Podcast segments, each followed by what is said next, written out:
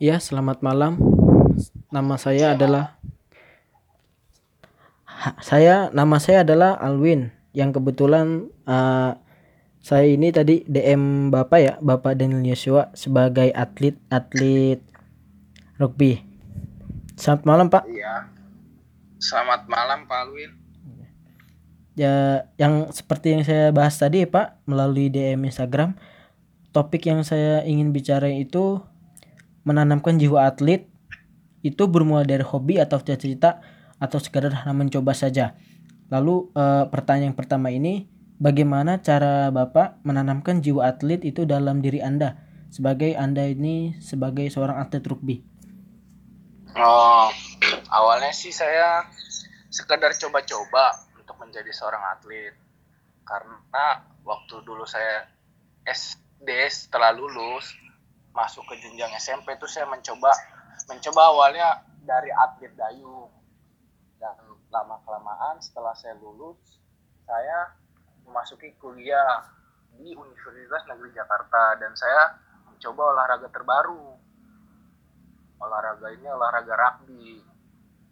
Awalnya sih saya coba-coba saja untuk menjadi seorang atlet tapi lama kelamaan di, di atlet ini saya banyak banyak belajar. Kenapa? Karena waktu itu sangat berguna.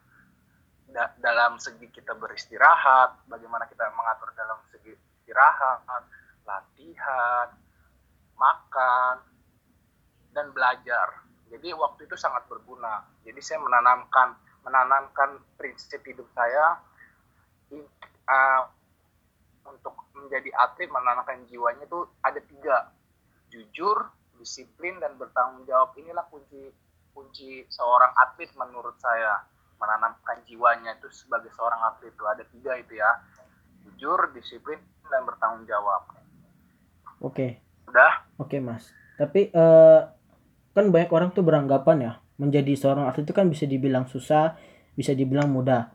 Nah, mungkin dari situ kita harus mempunyai tekad ataupun motivasi yang besar ya untuk menjadi seorang atlet. Kira-kira Anda melihatnya seperti apa ya, Mas? Dari mulai yang orang mengatakan bahwa atlet itu kata bisa dibilang susah, bisa dibilang mudah seperti itu.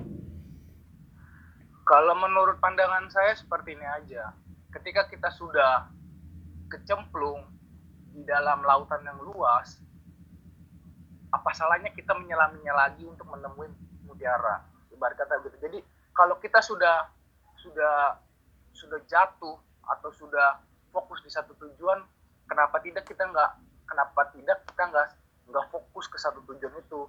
Jadi segala apa pun yang udah kita kita tujuin itu harus sampai benar-benar kita harus mendapatkan hasilnya. Untuk menjadi seorang atlet itu memang tidak mudah. Dalam tanda kutip apakah anak itu sekedar cuman namanya saja atlet atau ingin berprestasi? Jadi jadi di situ banyak orang berpikiran wah anak ini mah maunya jadi nam namanya doang atlet tapi dalam arti tuh jadi atlet itu mempunyai tanggung jawab yang besar kenapa dibilang bisa dibilang mudah bisa dibilang susah susahnya itu ketika apakah dia bertanggung jawab terhadap apa yang sudah diberikan pelatih, apa yang sudah diberikan pemerintah, apakah bisa dipertanggungjawabkan dengan sebuah prestasi. Itu yang disebut kalau menurut saya visi pandangan saya dibilang susah menjadi atlet. Kalau dibilang mudah mah bisa masuk masuk apa namanya masuk masuk asrama, tapi kan dalam arti at, pelatih juga nggak bisa menampung semua orang. Jadi pelatih juga bisa melihat wah ini anak ini punya potensi, wah anak ini punya potensi gitu. Jadi nggak ya bisa dibilang susah bisa dibilang mudah yang tadi sudah saya jabarkan oke okay. uh, kemudian uh, kebetulan kan mas ini seorang atlet ini ya rugby nah dari atlet rugby itu kenapa mas ingin mencoba lebih memilih rugby. Sedangkan kan di Indonesia itu kan rugby itu bukan salah satu olahraga yang baik diminati lah seperti itu. Mengapa alasannya? Alasan saya menurut saya kenapa saya memilih olahraga rugby kan sebelumnya sudah saya bilang tadi saya dulu dari SMP sampai SMA adalah atlet atlet dayung. Dan di atlet dayung ini saya sudah merasa di titik paling atas. Karena tipe saya adalah ketika saya sudah paling atas dalam arti bukannya sombong atau apa ya saya di, udah posisi paling atas saya pengen turun lagi ke bawah. Kenapa? Karena kalau saya sudah di posisi di atas siapa siapa ini saya tujuan saya di atas siapa lawan saya siapa target saya. Makanya saya berpindahlah cabur ke dayu eh ke rugby. Dan di rugby ini awalnya saya setelah saya lulus SMA saya mengundurkan diri dari Dayung saya melanjutkan sekolah di Universitas Negeri Jakarta dan di Universitas Negeri Jakarta ini ada ada suatu cabang olahraga yang menurut saya ini olahraga body contact yang menantang yang menantang. Jadi saya mencobanya awal-awalnya di rugby ini lama kelamaan kok olahraga ini seru? Karena olahraga rugby ini berbeda dengan berbeda dengan olahraga permainan lainnya seperti bola.